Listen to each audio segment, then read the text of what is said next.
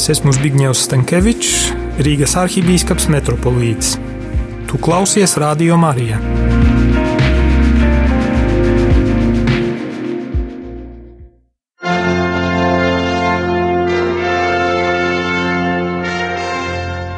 Ne ar mēli, bet ar darbiem un patiesību.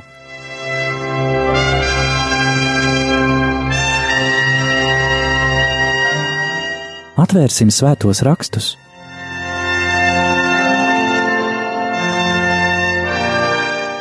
un studēsim Jāņa vēstules kopā.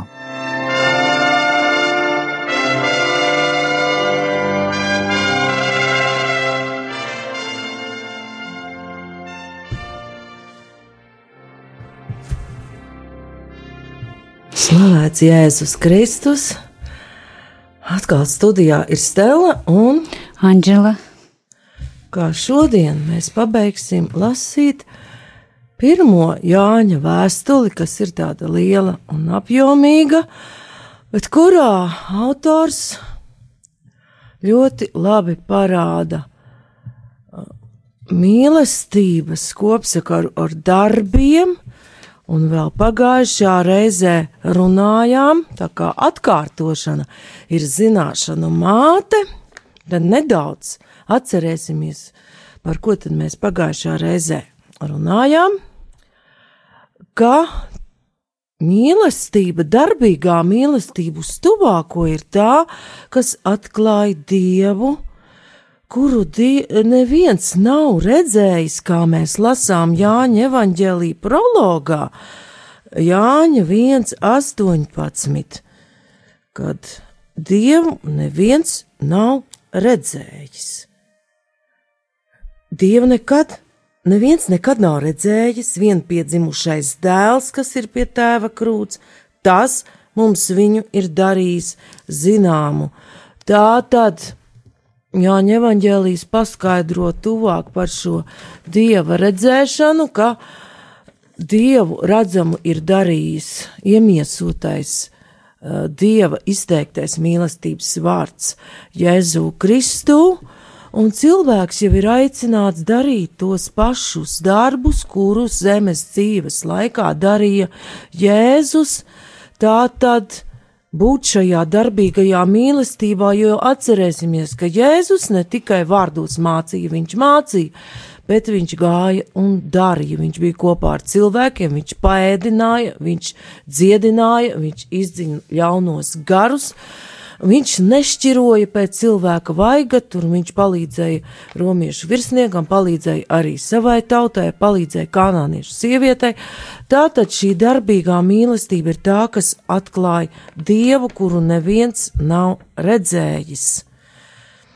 Un arī jēkaba vēstule, ko mēs runāsim nākamajos raidījumos, vēl pēc kādām, vēl pēc kādas vienas reizes runā par vārda darītājiem, ne tikai runātājiem, kas kaut ko dara tikai ar mēli, un ka ticība bez darbiem ir nedzīva. Bet šodien mēs pievērsīsimies pirmās Jāņa vēstules noslēdzošajai piektajai nodaļai, un arī šeit autors ļoti daudz atgādina par šo ticību, ka Jēzus ir Kristus, ir no Dieva dzimis, tā tad viņš ir šis iemiesotais vārds. Un ik viens, kas mīl to, kas viņu ir dzemdinājis, mīl arī to, kas no viņa ir dzimis. Tātad šīs attiecības ar Jēzu Kristu ir ļoti cieši saistītas ar attiecībām pret tuvāko, un caur šo mīlestību uz tuvāko jau tiek arī piedzīvotas šīs attiecības ar Dieva dēlu, pat ja cilvēks pats īpaši tur nekā nejūt. Un tālāk, piektā nodaļā jau autors pievēršas. Nu, tā mēs saprotam, ka mēs Dievu bērnus mīlam, kad mīlam Dievu un turam viņu baušļus. Te atkal tiek pavērsts, varētu domāt, ka otrādi, jo iepriekšējā nodaļā mēs lasījām, ka katrs, kas mīl, ir no dieva dzimis un atzīst dievu. šeit it kā ir jēga pagriezta otrādi, bet diez vai tas būs pārāk tālu no tā, kas iepriekš ir teikts. Noprotam, ka mēs dieva bērnus mīlam, un par kādiem dieva bērniem tad te varētu būt runa? Vai autors ir domājis tikai tos, kas tic Jēzum Kristum? Mēs esam visi dieva bērni. Pilnīgi pareizi. Jo Jāņa evanģēlijā varbūt atceries, ko, ko tad Dievs īsti ir gribējis. Lai visi būtu viens, Jā, starp citu, ļoti labs pavērsiens, lai visi būtu viens, kā tēvs manī, es tēvā, un arī tas, ka Dievdāls ir nācis, lai pasaule netiktu tiesāta, bet tiktu atpestīta. Tātad atpestīšana ir šī tiesa, kurā Dieva dēls, caur Dieva dēlu pats tēvs grib iekļaut pilnīgi visus cilvēkus. Un tāpēc, ja ir šī pavēle, ejiet, pasludināt evaņģēliju visām tautām. Un turam viņa baušļus, te jau atkal mēs nonākam atpakaļ pie tā iepriekšējā nodaļā teiktā. Mīlēt Dievu nozīmē mīlēt tuvāko. Jo trešā pantā jau autors saka, jo šī ir dieva mīlestība. Tad, tad mīlēt dievu un parādīt dievu mīlestību tuvākajam, ka turam viņa baušļus un viņa baušļi nav grūti. Nu, kā tur ir ar to grūtību? Reizēm man liekas, ka tie dieva baušļi ir ļoti grūti un nemaz tik viegli viņus nav izpildīt. Un par kādiem baušļiem tad īsti viņš būtu runājis tur? Jo ir Jēzus pa baušļiem runājis, kur ir tie svarīgākie, mēs varam tur paskatīties.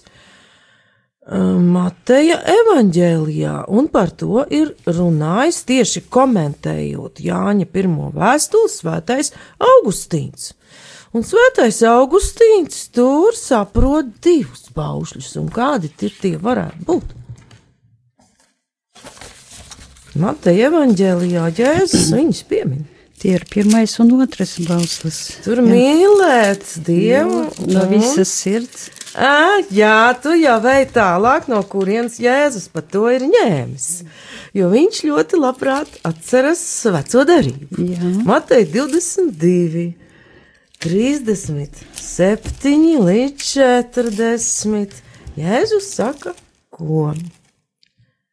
Bet Jēzus tam sacīja, un viņš sacīja to tādam farizējam, kas kārtīgi un labi zināja bauslību, gribēja Jēzu pieķert pie vārdiem un viņu kārdināja. Kāds augstākais bauslis bauslībā, bet Jēzus tam sacīja: Tev būs Dievu savu kungu mīlēt no visas sirds, un no visas dvēseles, un no visa sava prāta. Šis ir augstākais un pirmais bauslis, otrs tam līdzīgs ir Tev būs savu tuvāku mīlēt, kā sevi pašu. Šīs abos baušļos ir saņemta kopā visa bauslība un pravieši. Un Anžela man liekas, to labi zina, kas īsti tas ir. Un no kurienes tas, Tas nāk? ir eh, mīlestības. Šema. Jā, Jā, nāk no vecās derības.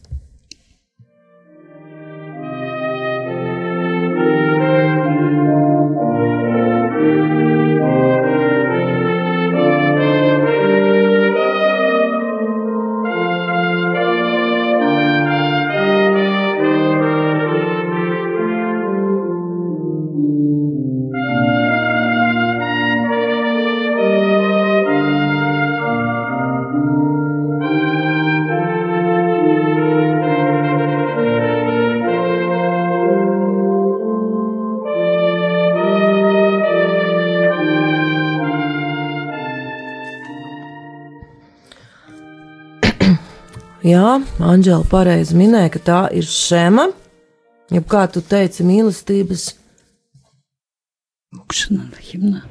Varētu teikt, jā, tas ir tāda pirmā uh, mīlestības himna, pirmā uh, lūkšana jau vecajā derībā, un viņa ir atrodama atkārtotā likuma grāmatā, jeb kā brāļa Lutāņa teikt, 5. mūzes grāmata, 6. nodaļā. No 4. līdz Līdz 9. devītām, Jā, nolasa lūdzu. Klausies, Izraēl, tas kungs, mūsu dievs, ir vienīgais kungs, un tev būs to kungu savu dievu mīlēt no visas savas sirds, no visas savas dvēseles un ar visu savu spēku. Un lai šie vārdi, ko es tev šodien pavēlu, tev paliek ierakstīti tavā sirdī, un atgādini tos saviem bērniem, un runā to sēžot savā namā un pa ceļu ejot, guļoties un ceļoties, un sientos kā zīmi uz savas rokas, un liec par zīmi starp acīm uz pieres. Un raksti tos, un liec pie sava nama durvju stabiem un pie saviem vārtiem. Paldies! Jāatzīmē, ka vecajā derībā jūdi to pat izpildīja ar ārēji redzamām zīmēm, ka viņiem bija šīs lūkšanas siksnas ap roku, kā arī šī zīmja filaktērija starp acīm, kad viņi lūdzās, bet no jaunās derības skatpunkta mēs jau to varam saprast. Tieši šo vārda darīšanu jau ar savu prātu, ar savām domām mēs jau domājam šo vārdu darīt un ar savām rokām arī to darām. Tātad šī mīlestība uz Dievu mums ir darbīga. Mēs dzīvojam to, par ko šeit ir runāts un uz ko atsaucās Jēzus Mateja evaņģēlijā. Tātad tas ir aicinājums visur un vienmēr saglabāt mīlestību. Un kā Augustīns komentē, mīlestība neviens nedara par mīlestību. Viņš saka, neviens nedara ļaunu tam, ko mīl. Mīli, un tu nevarēsi nedarīt labu. Gribēs darīt labu. Un tiem, kas mīl, diev, tas viss nāk par labu. Jā, tā tad tur jau tālāk ir par to. Tiem, un- kas mīl Dievu, viss nāk par labu. Jā, jo viss, kas ir dzimis no Dieva, uzvar pasauli. Un šī ir tā uzvara, kas uzvarējusi pasauli, mūsu ticība, kas ir pasaules uzvarētais, tikai tas, kas tic, ka Jēzus ir Dieva dēls. Un te ir tā problēma, kas arī mani var teikt, vienmēr mocīja, kas īsti ir tā ticība. Ticība, jā, nu, eh, ticēt, ka eh, Dievs ir patiesība, ceļš un dzīvība, jā, un kad mēs to ticam, uz to ticam, tas piepildās, un mēs sekojam Kristum. Tur ir tā lieta, ka tas vienkārši it kā skan.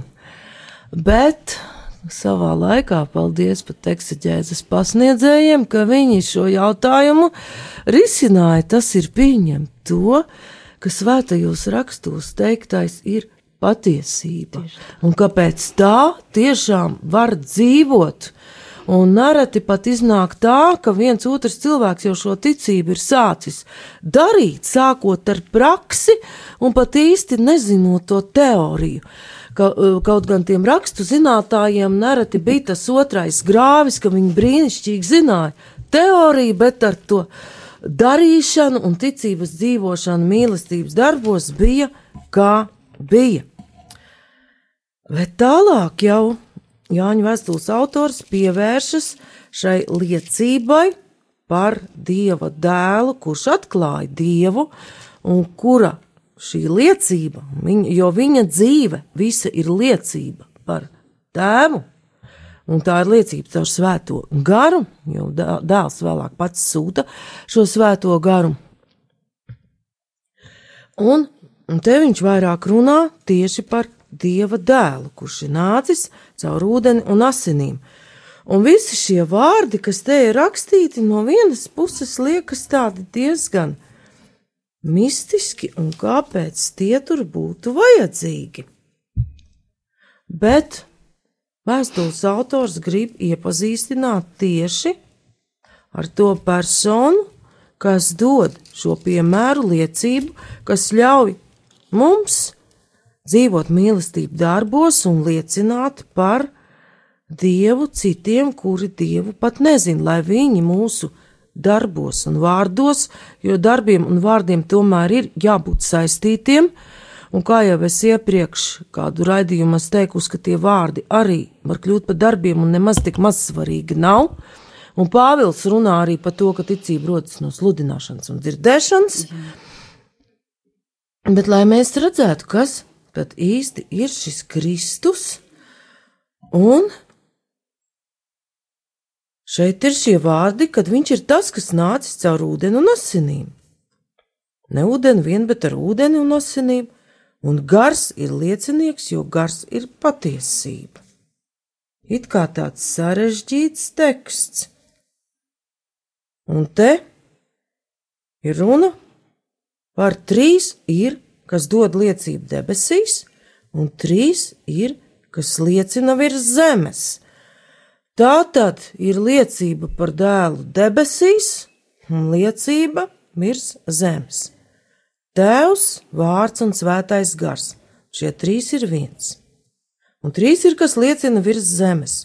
Gars, ūdens un asinis, un šie trīs ir kopā. Tālāk autors runā par cilvēku liecību, jo mēs varam pieņemt arī cilvēku liecību, Un šeit ir runa par lielāku liecību, jo šī ir dieva liecība, ko viņš ir nodevis par savu dēlu.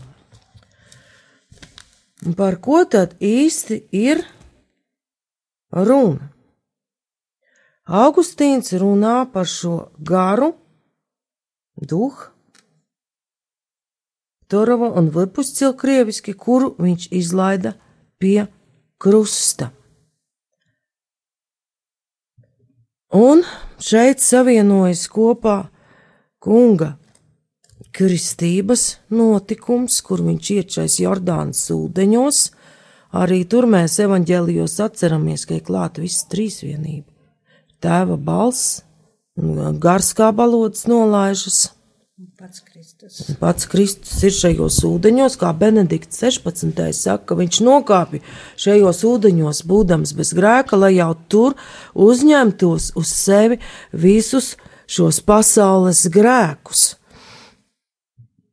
Un pilnībā viņa liecība piepildās pie krusta.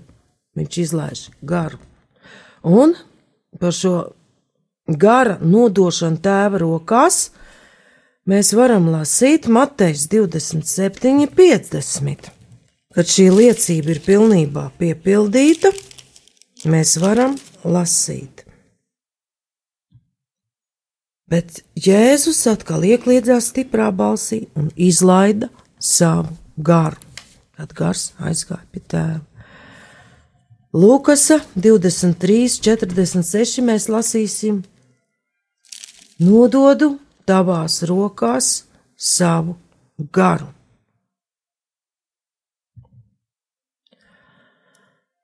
Un vēl Jāņa evanģēlijas 19.30.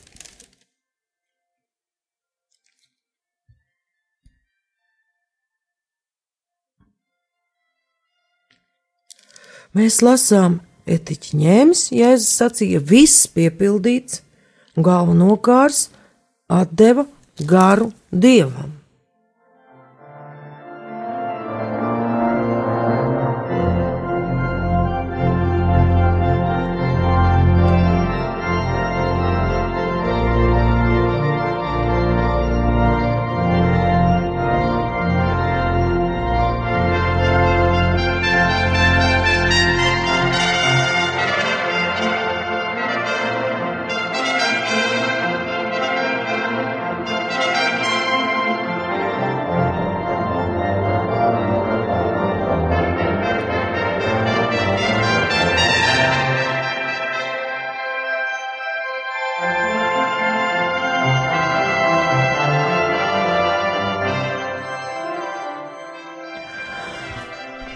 Bet vai ar to, ka Jēzus atdod garu tēva rokās, viss beidzās? Ar to gara liecība izbeidzās? Laikam sākās arī. Pilnīgi pareizi. Ka ar to viss tikai sākās, jo gars tiek dots, kad jēzus ieiet skaidrībā, gars tiek dots. Kas tad notiek Jāņa evaņģēlijā? Un jau iepriekš Jāņa evaņģēlijā Jēzus ir garu solījis dot. Viņš jau cilvēkus, savus mācekļus sagatavo tam, ka gars tiks dots, un ka tas būs patiesības gars, ka tas būs aizstāvis. Bet aizstāvis svētais gars, ko tev sūtīs manā vārdā, tas jums visu mācīs un atgādinās jums visu, ko es jums esmu sacījis. Jā, tas ir Jāņa Evangelijas. Jā, tas ir Jāņa Evangelijas 14. Jā, nodaļa. un 15. nodaļā, 26. pantā, Jēzus apsola, kad nu nāks aizstāvis, ko es jums sūtīšu no tēva, patiesības gars, kas iziet no tēva, tas dos liecību par mani. Tas šī liecība. Jā. Un tālāk, 27. pants jau nodot liecināšanas uzdevumu tālāk. Bet arī jūs dosit liecību, jo jūs no paša sākuma esat pie manis. Un no paša sākuma tur ir runa drīzāk par mācekļiem, ka tie ir pie viņa.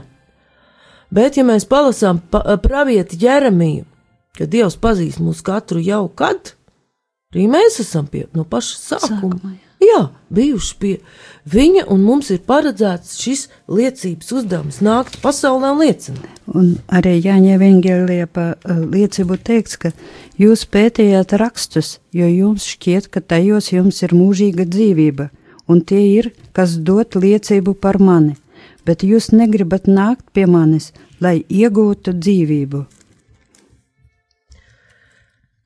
Jā, un lai tas viss varētu notikt, 20. nodaļā, 22. pantā Jēzus jau redzam šo gara virzību pretējā virzienā. Viņš atdod tēvam, bet šeit viņš jau ir augšām celtais. Un viņš saka, un to sacīs. Vispirms Jēzus dod mieru. Ne tādu kā pasaulē, tā kā šis 21. pants, 20. nodaļā Jāņa Evanģēlijā arī ir būtisks, lai mēs saprastu, ar ko ir saistīta šī liecība, par kuru runā Jānis pirmajā vēstulē. Tad Jēzus vēlreiz viņiem saka, miers ar jums, kā tēvs mani sūtīs, tā es jūs sūtu, un to sacīs viņš dvesa un sacīja viņiem: ņemiet svēto garu.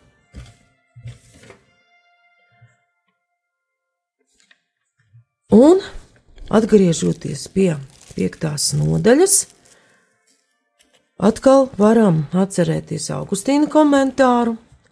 Viņš šo garu, ūdeni un asinis saista arī ar to, ko no tā dzimst, ka no tā dzimst baznīca, par ko mēs varam lasīt apstuļu darbos, otrajā nodaļā. Apstuļu darbi. Nāk svētais gars. Kad vasaras svētku diena bija atnākusi, visi bija sapulcējušies vienā vietā, un piepeši no debesīm nāca rūkoņi, it kā stiprs vējš pūstu, un piepildīja visu namu, kur tie sēdēja, un viņiem parādījās it kā uguns mēlis, kas sadalījās un nolaidās uz ikvienu no tiem. Un visi tika piepildīti ar svēto garu, un sāka runāt citās mēlēs, kā gars tiem deva izrunāt. Un te atkal varam saprast, pirmkārt, to, ka ir dzimusi baznīca, un nav runa tikai par runāšanu mēlēs, citās mēlēs runāt. Tas nozīmē jau runāt ne tikai ar pareizu sludināšanu un pareizu runāšanu, bet arī šie darbi, kas tiek mīlestībā darīts, darīti, ir valoda, kas uzrunā cilvēkus, kuri pat nepazīst Kristu, varbūt pat nezina mūsu tādu dzimto valodu. Nu jā, varbūt runāt viņa valodā. Jā, un arī saprast valodā. šī otra cilvēka izteiksmes veidu, to Jā. valodu, kuru viņš saprot. Tieši tā, lai viņa, kas viņam nepieciešams ir, lai. Jā. viņš saprastu to, ko sludina cilvēks. Un vēl par, š- pie, pievēršoties šai liecībai par kungu, eh, komentētais beda godājamais 8. gadsimta īru mūks vairāk atgādina par šo kunga kristīšanu, ko es jau minēju, ka tur ir šīs debesis atvērtas, ir tēva balss, un gars nonāk, un tēvs liecina, ka šis ir mans mīļais dēls, pie kā man labs prāts.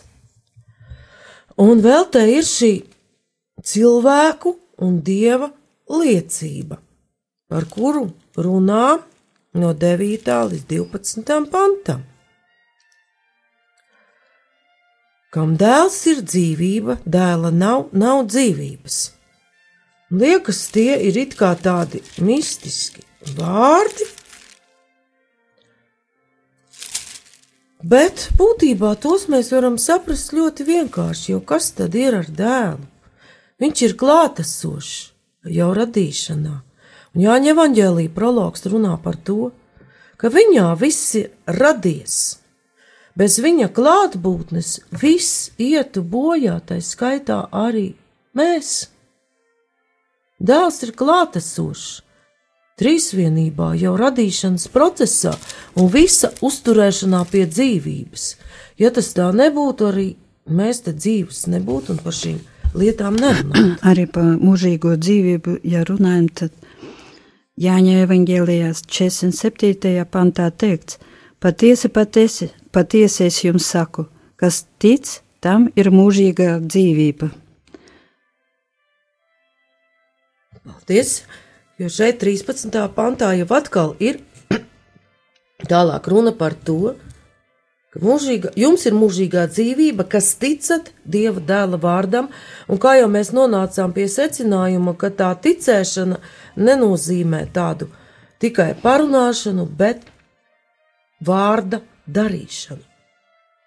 Un tālāk, jau noslēg, uz, ejot uz noslēgumu, pirmās Jāņa vēstules autors runā par lūgšanu un par grēku. Ja kāds redz savu brāli, darām grēku, un tur ir izšķirts tāds vienkāršāks grēks un nāves grēks. Un tie ir saistīti arī ar lūgšanu. Ja zinām, ka viņš mūs klausa, ko vien lūdzam, tad zinām, ka saņemam to, ko esam no viņa lūguši. Jau saņemam pat tikai, kad lūdzam. Vecajā derībā tas izrēliešu minimums bija, kas varēja lūgt desmit vīrieši. Bet jaunā derība to visu jau pavērš savādāk. Mateja evaņģēlijas 18, 19. Tur ir. Es izlasīšu Jāņa evangelijā, Jā, ja, tur vēl ir 13. par- pantā.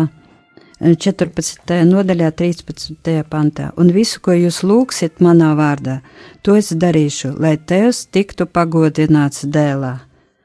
Un Mateja, kas Mateja ir 18, 19. atkal. Es jums saku, ja divi no jums virs zemes ir vienā prātā kaut kādas lietas dēļ, ko tie grib lūgt, tad mans debesu tēvs to tiem dos. Jo kur divi vai trīs ir sapulcējušies manā vārdā, tur es esmu viņu vidū. Vecajā derībā divi cilvēki bija minimālais liecinieku skaits.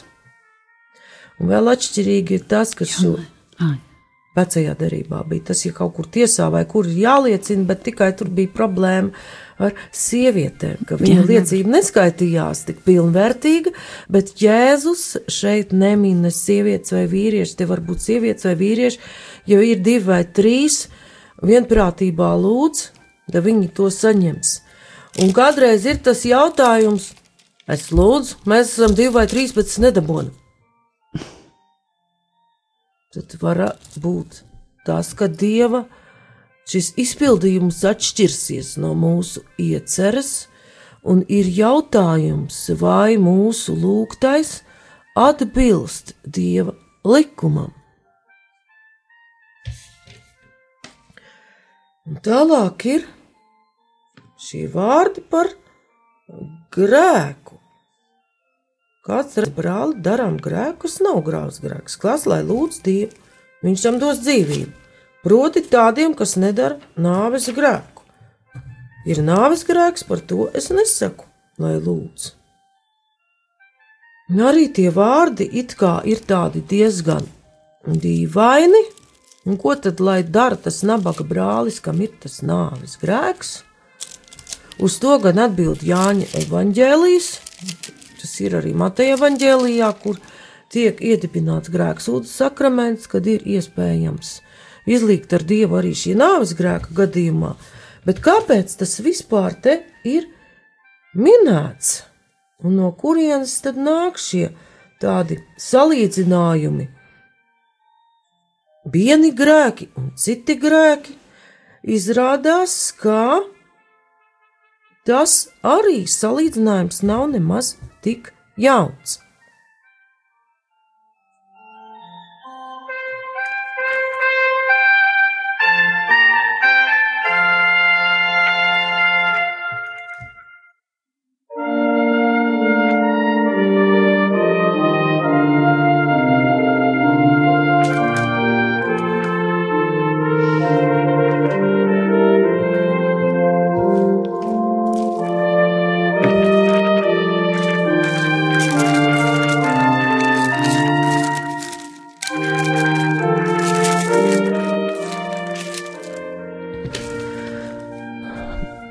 Tādiem, teikt, pat divu grēku veidiem, kas mums arī ir saglabājušies. Baznīcas tradīcijā ir nāves grēks un ir tādi, nu, parastie grēki. Tas ir jau vecajā derībā. Izrādās, ka tur ir tāds ļoti interesants teikums, ko saka pravietis Elīs, 1. samuēļa grāmata, 2. nodaļa, 25. pants. Kad cilvēks pret cilvēku grēko, tad Dievs var salīdzināt. Bet, kad cilvēks apgrēkojas pret to kungu, kas tad var uzņemties tam būt par salīdzinātāju? Skatoties no jaunās darības, jau mēs redzam, ka salīdzinātājs ir atnācis. Un viņš arī dod šo iespēju iedibināt sakramentu, cilvēkam salīdzināties ar kungu, gan parasta grēka gadījumā, gan nāvīga grēka gadījumā. Un vēl šeit šis autors, pirmās Jāņa vēstules atgādina, ka katra netaisnība ir grēks, ir grēks, kas nav nāves grēks. Tātad katra nelikumība ir grēks, jo atcerēsimies, ka vienā no iepriekšējiem raidījumiem mēs noskaidrojām, kā teksts skan krievu valodā, ka tas ir tulkots pat kā bezzakoņie. Tas nav vienkārši nelikumība vai tā, tas ir pilnīgi bezlikumība, ka tiek kaut kas darīts bez dieva likuma, bez viņa likuma akcepta, ārpus viņa likuma ietvara. Un pirmā Jāņa vēstule noslēdzas ar atgādinājumu, ka mēs zinām, ka esam no dieva un visa pasaule ir grimusi ļaunumā, kas atkal ļauj atcerēties Jāņa Evanģēlīja prologu, ka tumsa negribēja uzņemt gaismu, un jāatceras, ka te nav runa par to pasauli, kuru Dievs radīja labu, bet par to, kādu cilvēks ir izveidojis, atrodoties ārpus Dieva likuma ietvara. Un kā mēs varam nonākt līdz tādai situācijai, kāda ir pasaulē? 21. pašā noslēdzošajā pantā ir šis brīdinājums.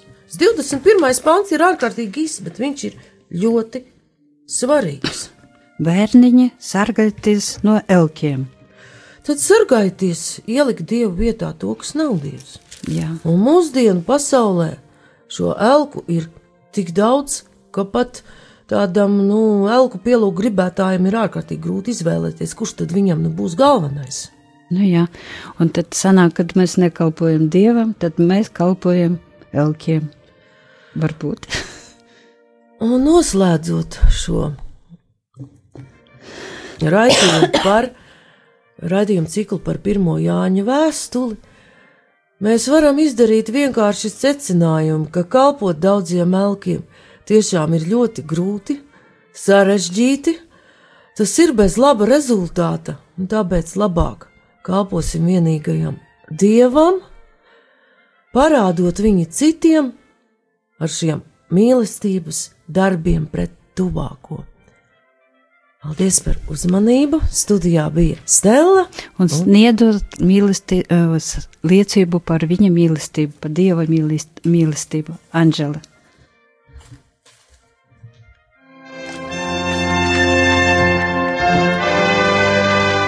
Izskanēja raidījums Ne ar mēli, bet ar darbiem un patiesību.